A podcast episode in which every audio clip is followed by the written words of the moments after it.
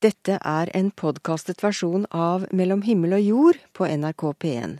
Vi har kun anledning til å legge ut de innslagene som ikke inneholder musikk.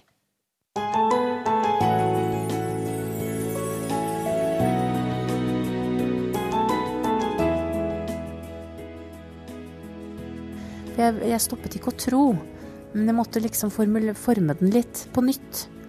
Måtte kanskje trekke meg litt ut av de kristne sammenhengene, ut av gudstjenestene, ut av, eh, ut av det som, eh, som jeg, for meg ikke nødvendigvis var så ekte. Og så måtte jeg finne noe som var ekte for meg. Og hvordan Anettes tro endret seg, det får du høre snart hvis du følger med oss her i Mellom himmel og jord. Velkommen! Jeg heter Miriam Wiklund og lar deg ellers få vite litt om jødiske påsketradisjoner. Du blir også tatt med til kunstneren bak Pasjonsutstillingen i Oslo domkirke, og du får smake litt på påskestemningen blant folk på gata. Forresten, kunstneren, ja. Bente Finsterås. Hun har tenkt tanker om livets mysterier helt siden hun var barn. Jeg har vel alltid vært en drømmer som har tenkt at, eh, at det er fantastisk Å, der kommer det en flue. Tenk at den har liv. Nå er det tid for å ta pulsen på påskestemningen blant folk. Vi har sendt reporter Kristin Norvoll Mork på byen i Trondheim med spørsmålet Hvordan feirer du påsken, og hvorfor akkurat slik? Oi, jeg skal på Savalen, på høyfjellet. det. Jeg er oppi der vi er noen venninner som har slått oss sammen, og vi reiser oppå der og lever livet. Kan jeg spørre hvordan tradisjonen starta? Vi ble enker. Og så ble vi en eh, del sammen, og så kom vi på at vi skulle Viskoritten. Hva er det viktigste i påska for din del, da? For å være sammen med noen istedenfor å sitte alene. Det er stort å være ute og ha det hyggelig. Jeg skal besøke min gamle mor, tror jeg. Hva er viktig for deg i påska? Er det noen forskjell på påsken og resten av året? Har du noen sånne tradisjoner eller ting som er viktig for deg i påska å få gjort eller spist, eller? Nei, absolutt ikke. Det må være påskepynt. Hvorfor må det være påskepynt? Hvis ikke så får ikke jeg påskestemning. Men hva er påskestemning for deg, da? Eh, Jeg vet ikke. Påskelabyrinten på P1. Den er livsviktig. Det går vel gjerne litt lam, og vi feirer vel egentlig mest påska med å på en måte gå på ski og være sammen. Hvor har du de her tradisjonene fra? De har vært helt fra jeg var liten. På en måte husker jeg følelsen av å ligge nede i en pulk fra jeg liksom gikk på ski sjøl med mamma og pappa. og Det må jo være Bibelen, da, ikke det? Med mye av det, i hvert fall. Er de viktig for deg, da? Nei, egentlig ikke. Eh, Jeg ser vi steller mer til jul enn til påske. Så det tror jeg alt folk gjør, egentlig. Det er jo kultur. Vi bryr oss ikke så mye om eh, det kristne budskapet, men det er jo litt det òg. Jeg har jo besteforeldre som er eh, prester, begge to. Så de er jo litt sånn, de har jo sikkert oppdratt min mor til å feire påske. Jeg spurte faktisk mange unger hva, hva dere feirer egentlig. Nei, men det skal vi på fjellet og spise sjokolade. Altså, er det ikke det at Jesus han uh, reiset seg opp og kom i himmel? Ikke derfor. Derfor vi er glade. Så du feirer Jesus' oppstandelse, eller er det Ja, men, ja, det er det. Tanken går der. Og det å ha familie, det er en eh, bare pluss. Noen ganger endrer man synet på livet gjennom kriser. Slik var det også for Anette Sjåseth Bjørke. Hun er vokst opp i et kristent hjem, men etter hvert merket hun at gudsbildet endret seg for henne. Her forteller hun hva som skjedde. Jeg møtte veggen, rett og slett. Kraftig. Veldig kraftig. Ble dypt deprimert. Og måtte da ta et oppgjør med ganske mye. Eh, bakover i tid også. Og det og da å møte veggen når man har en sånn tro på at Gud Det ble litt vanskelig for meg, så jeg ble veldig sint på han. Og, og ønsket ikke Samtidig som jeg var sint, så trodde jeg jo på han, men jeg liksom tok litt oppgjør med den eh, Ja, som jeg sier, bokstavtroen, da. Hva, på hvilken måte møtte veggen, da? Ble utbrent, rett og slett. Og da, hva var det med bokstavtroen i den forbindelse? Nei, du kan si eh, de historiene man har hørt i Bibelen om eh, Adam og Eva og paradis og, og alt sånt som man tar for god tro, da, når man er eh, liten. Um, og så klart, det har jeg jo skjønt opp igjennom før jeg møtte veggen, at ting er ikke alltid sånn bokstavelig. Men, men um, Gud og Jesus og det jeg vokste opp med Jeg ble veldig sint på, på Vår Herre, som jeg sier nå, da. Eh, for de føles litt eh, mer riktig for meg. Um, så jeg kan ikke egentlig si noe mer enn det, men jeg måtte gjøre troen min til noe eget. Og det var en prosess. For jeg, jeg stoppet ikke å tro, men jeg måtte liksom formule, forme den litt på nytt.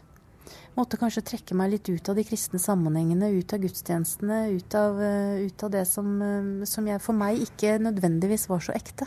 Og så måtte jeg finne noe som var ekte for meg. Hva var ekte? Det er at jeg fremdeles tror. Um, men den er blitt litt mer hverdagslig. Den er blitt litt mer sånn samtaleformet.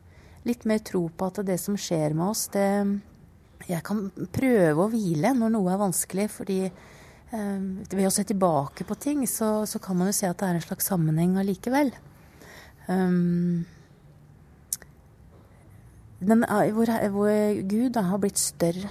Mye større enn han var. Mm. Vil du si han er nærmere? Ja, det også.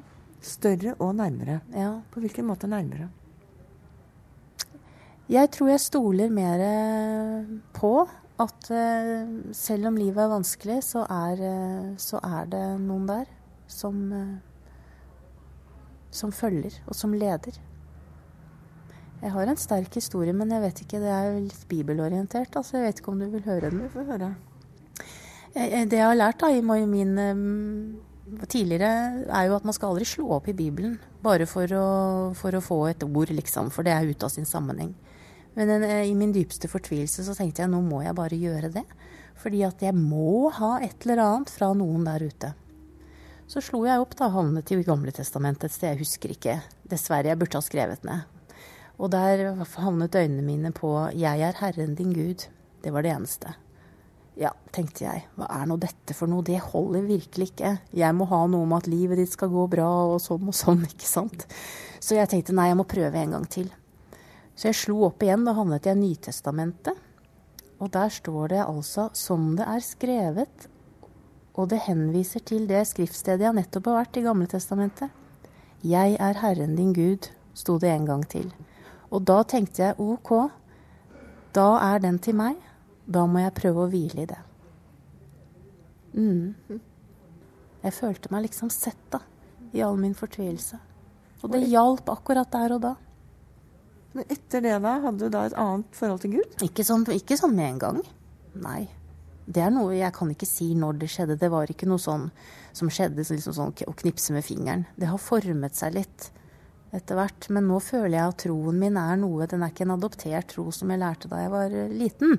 Men det er noe jeg har, har kjent at dette er OK for meg. Jeg trenger ikke gå i kirken. Jeg trenger ikke gå på gudstjeneste for å ha et, sterk, et sterkt forhold til en, en, sterk følelse av at uh, Vår Herre er med, liksom.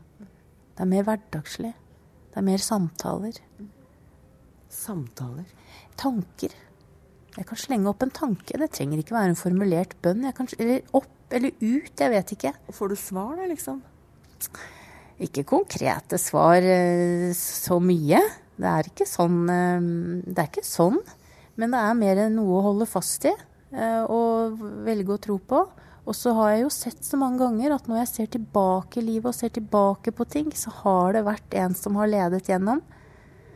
Um, og det er det jeg må prøve å holde fast i når jeg da liksom begynner å tvile og kave og stresse og sånn. Uh, den der 'jeg er Herren din Gud', og, og, prøve å finne roen i at om ting er vanskelig nå, om jeg ikke, om jeg ikke helt vet hvilken vei jeg skal gå, eller hvordan ting Ja, om man ikke får til helt det man ønsker, og prøve å hvile allikevel. At jeg er Herren din Gud er med fremdeles. Vår Herre, da, som jeg nå føler er veldig sånn Når jeg skal snakke om eh, tro og sånn, så bruker jeg Vår Herre. Er det fortsatt kristendommen som er det viktige for deg? Ja, det er det som er, eh, som er meg. Men, men, jeg har vel også den tanken om at man skal ikke kimse av andres religion og andres gudsbilde.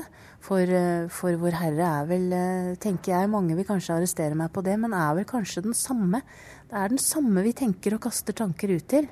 Um, um, ja, man, skal ikke kimse av andres uh, religion og tenke at det er, det er, bare jeg som har rett. Det er mange måter å tro på, tror jeg. Det sa skribent, visesanger og forfatter Anette Sjåseth Bjørke, som drifter nettstedet hunerhenne.no, hvor hun gir skråblikk på livet, tilbyr gratis personlig oppussing, som hun kaller det, når man vil bli fiks og fin, og holder åpent for gjestespaltister med skrivekløe. Du hører på Mellom himmel og jord i NRK P1.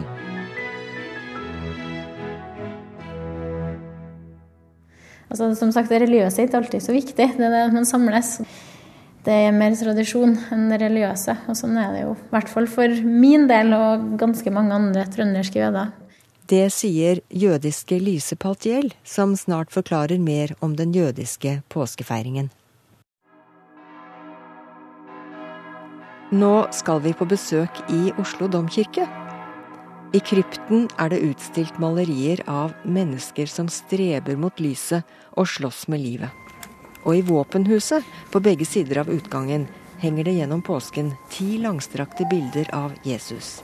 Eller skal vi heller si aspekter ved Jesus. Det er nemlig slik at kunstner Bente Finserås har laget halvfigurativ kunst som enhver kan legge sine egne tolkninger inn i. Og så blir det viktig for min del på slutten av prosessen blir å åpne motivet, sånn at det blir plass for flere assosiasjoner. Mens orgelet ble stemt i forkant av Oslo internasjonale kirkefestival, hadde Bente sin første omvisning av kunstutstillingen, som hun har kalt for Pust. Så tenker jeg, var, var egentlig Jesus et offer, og når oppsto den derre offertanken? Etter omvisningen tok vi en prat i atelieret og jeg ba henne utdype hva hun mener med å stille spørsmålstegn ved Jesus som offer. Altså, hvem var Kristus? Ofret han seg for oss menneskene? Eller var Kristus en revolusjonær, uh, sterk uh, figur som var villig til å dø for saka? Altså med A, for all del. uh, og det kan stå åpent. jeg har jo ikke noe svar, og det har vel egentlig ingen andre heller. Eh, fordi at Paulus levde jo etter Kristus så traff vel ikke engang Jesus, ettersom jeg har forstått. Og der kommer eh, det syndebegrepet inn, at han døde for våre synder. Jeg vet ikke om det gjaldt i den tiden hvor eh, Jesus levde, i det hele tatt. Om det var noe tema, eller om det har kommet som et sånn retroperspektivt tema inn. Derfor er det viktig for meg å stå fra utsiden og så rett og slett bare betrakte det her ganske åpent. Eh, det er mulig at, at Kristus var en, eh, en eh, revolusjonær. Sterkt rød. Noen av de som henger der, har jo den derre veldige kraften, mens andre har åtte ben og vet ikke hvor bena skal løpe av gårde for å rekke over nok. Med en tornekrone som ikke sitter klart, men som eh, også kan se ut som blod, og ikke torner. Um, det blir jo ytterpunkter, og så skulle jeg tenke på um, Jesus som en historisk person som har jobbet politisk, eller som en gudssønn som har utført oppgaver på vegne av. Um, men den bredden må jeg nesten ha med meg. Det skal være plass til oss alle her. Bente har vært opptatt av eksistensielle spørsmål helt siden hun var barn. Jeg har vel alltid vært en drømmer som har tenkt at, eh, at det er fantastisk Å, der kommer det en flue. Tenk at den har liv. Jeg har tenkt mye som barn og sittet mye alene. Eh, jeg er jo enebarn og var mye sammen med voksne. Og så døde min far da jeg var 16 år. Ehm, da husker jeg jeg gikk og snakket med presten. Jeg hadde utrolig sterkt behov for trøst, for han var min klippe, eh, denne pappaen. Eh, og presten eh, sa ja, men Bente, det er en mening med alt. Og så spurte jeg hva slags mening er det med at en, en mann på 51 år dør? Eh, dette, dette du kan, ikke, du kan ikke avskjære meg på den måten her. Ja, men du må fatte at Gud er så stor, osv. Um, og så begynte han å snakke om den allmektige Gud og vår frie vilje. Uh, uh, og uh, hvor gode eller ikke gode vi var. Så tenkte jeg dette, dette rommet for trangt. Dette rommet kan jeg ikke være i. Det er ikke sånn det skal være. Så jeg meldte meg ut av statskirken. Og siden har jeg vært ute. Men bildene til Bente Finserås er høyst relevante for kirken, og etter at vi alle sto sammen i sorgen 22. juli, mener hun at takhøyden i kirken er blitt høyere. Eh, da så man vel det samholdet eh, som vi ikke har sett før. Eh, vi hadde plutselig en felles fiende. Og på tvers av ståsteder, på tvers av religion og livssyn, så sto vi da sammen. Veldig sterkt. Og det samholdet trenger man jo.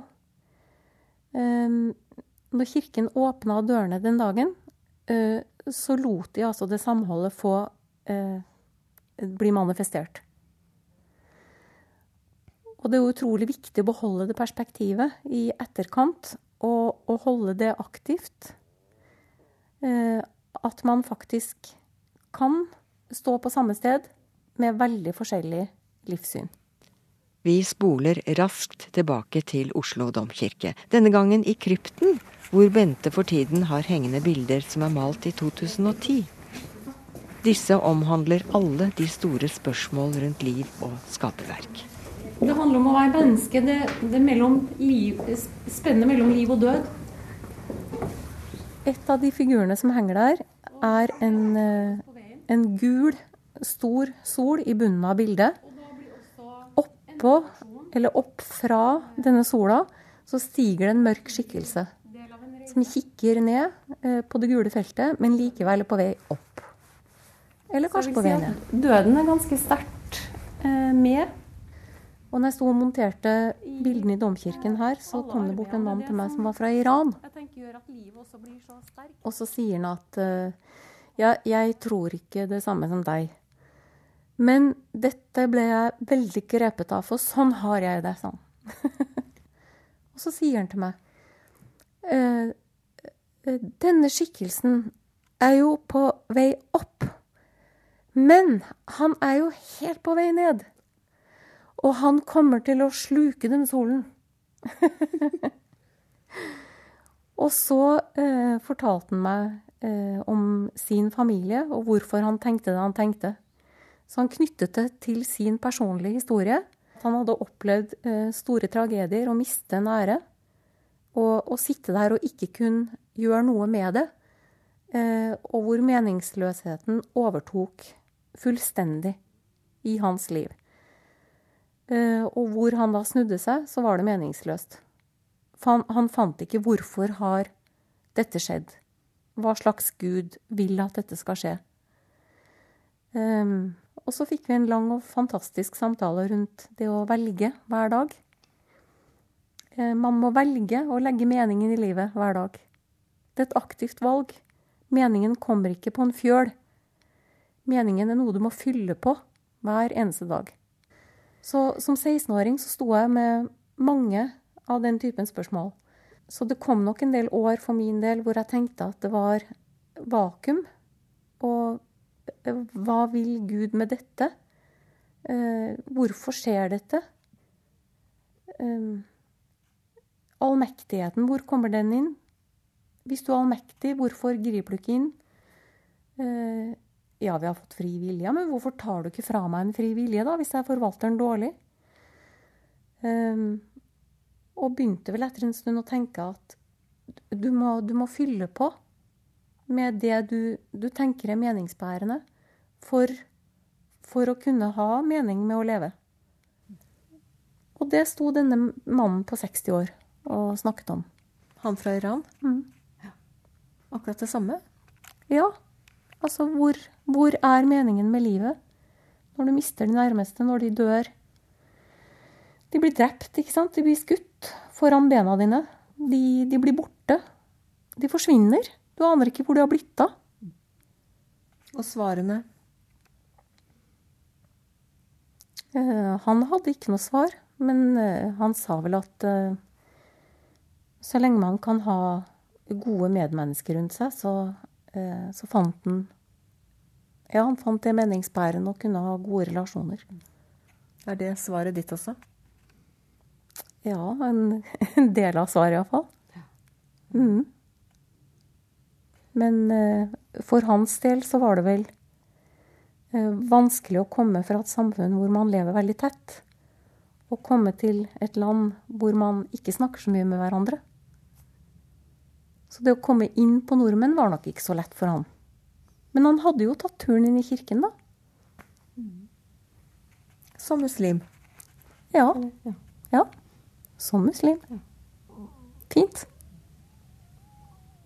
Sånn skal det være. Døren skal være åpen for alle. Og han har absolutt sin plass der. Det sa kunstner Bente Finserås. Pasjonsutstillingen hennes i Oslo domkirke blir hengende til over påske, for den som vil innom og se. Du hører på Mellom himmel og jord i NRK P1. Er du en av dem som planlegger å spise lam i påsken? Visste du at den tradisjonen kommer fra en svært gammel jødisk offerskikk?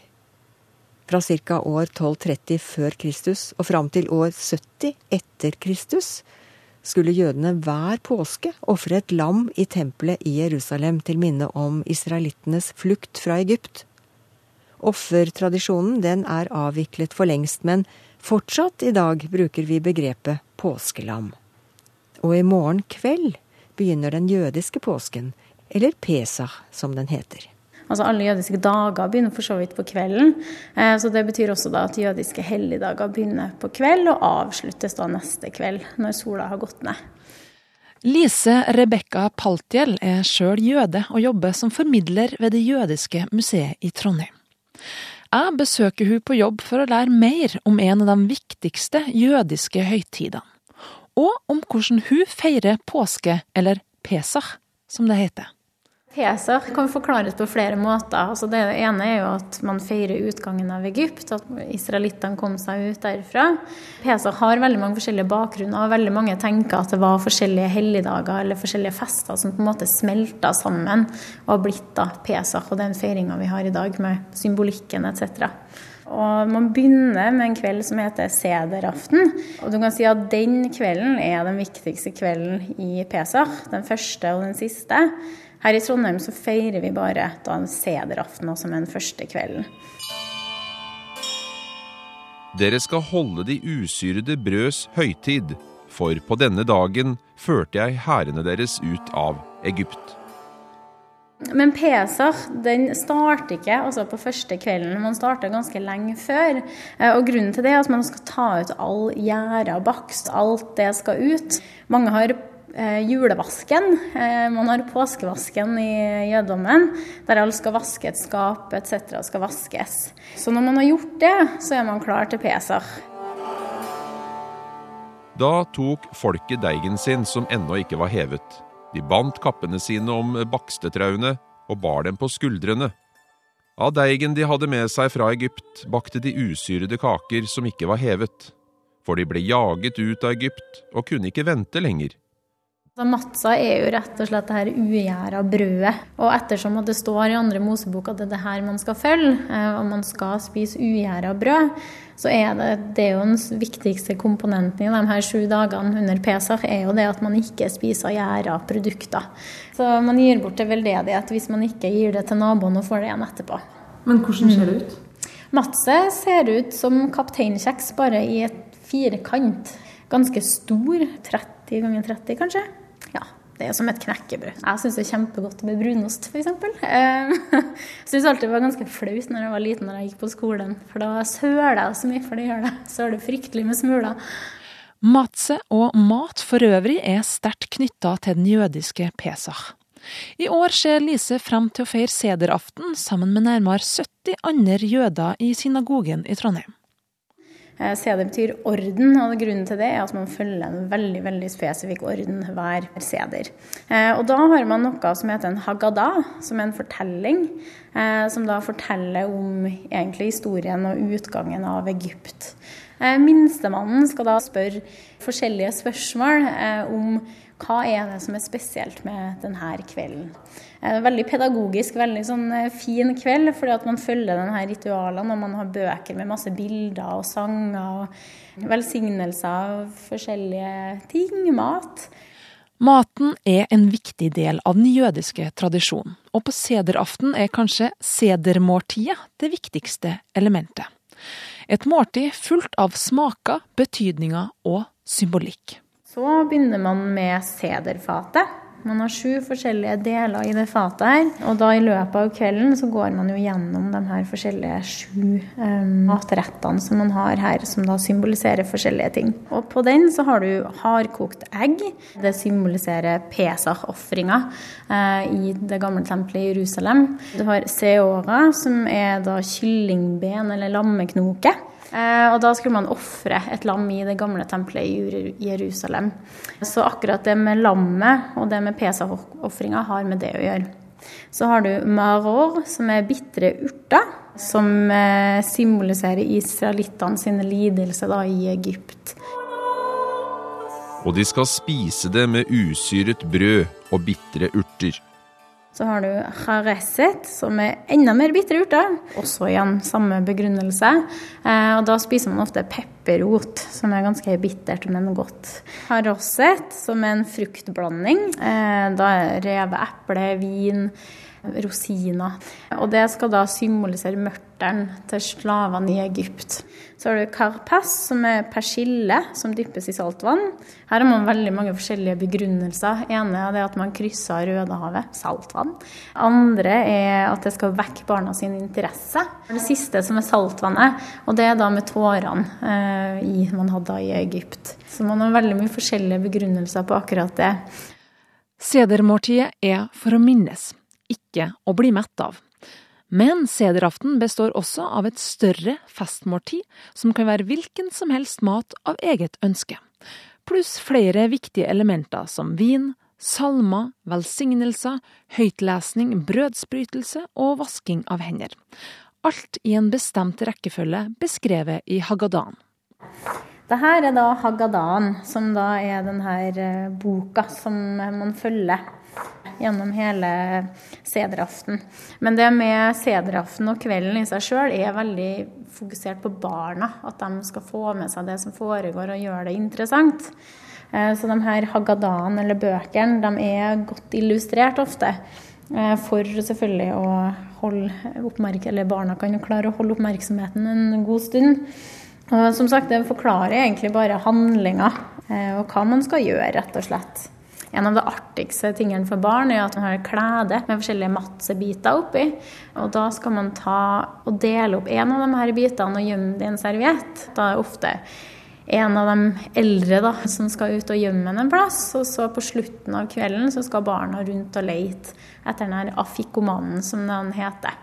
Eh, Og da får man en gave, da, dem som finner den. Så det gjør at også ungene på en måte sitter og venter på slutten av kvelden. Og det kan ta lang tid. Sederaften skal dryge ut så lenge som mulig. Eh, Og det varierer jo veldig selvfølgelig hvordan man gjør akkurat det her med starten i forhold til mm, tradisjonene i familien, og hvor mye man har med av velsignelser og historien osv. Det er veldig mange som ønsker bare å kjappe seg gjennom det og komme til hovedmåltidet, mens det er noen som bruker lang, lang tid på alle de forskjellige historiefortellingene etc. Og når barna deres spør hva er dette for en skikk, skal dere svare det er påskeoffer for Herren fordi han gikk forbi israelittenes hus i Egypt da han slo egypterne, men sparte husene våre. Pesach betyr å gå forbi. Da Moses skulle overbevise farao om å la det israelske folket få forlate Egypt, nekta farao å gi slipp på slavene sine. For å endre faraos mening lot Gud det komme ti plager. Hvorav den tiende var at Gud skulle gå gjennom landet og ta livet av den førstefødte i hver familie. Men ved hvert hus som hadde malt bjelken og stolpene rundt døra si med lammeblod, skulle han gå forbi. Men blodet skal være det merket som viser hvilke hus dere er i. Når jeg ser blodet, vil jeg gå forbi. Ingen ødeleggende plage skal ramme dere når jeg slår Egypt. For mange er det å være jøde en tradisjon man er født inn i, og medfører ikke nødvendigvis at man er troende. For Lise er det ikke det religiøse aspektet som betyr mest ved Pesach-feiringa. Og det er ikke alltid hun feirer den heller. Jeg feira ikke i fjor, tror jeg. Nei, jeg gjorde ikke det. Så det er ikke sånn for min del så jeg syns det er veldig koselig, men uh, det er ikke alltid det prioriteres.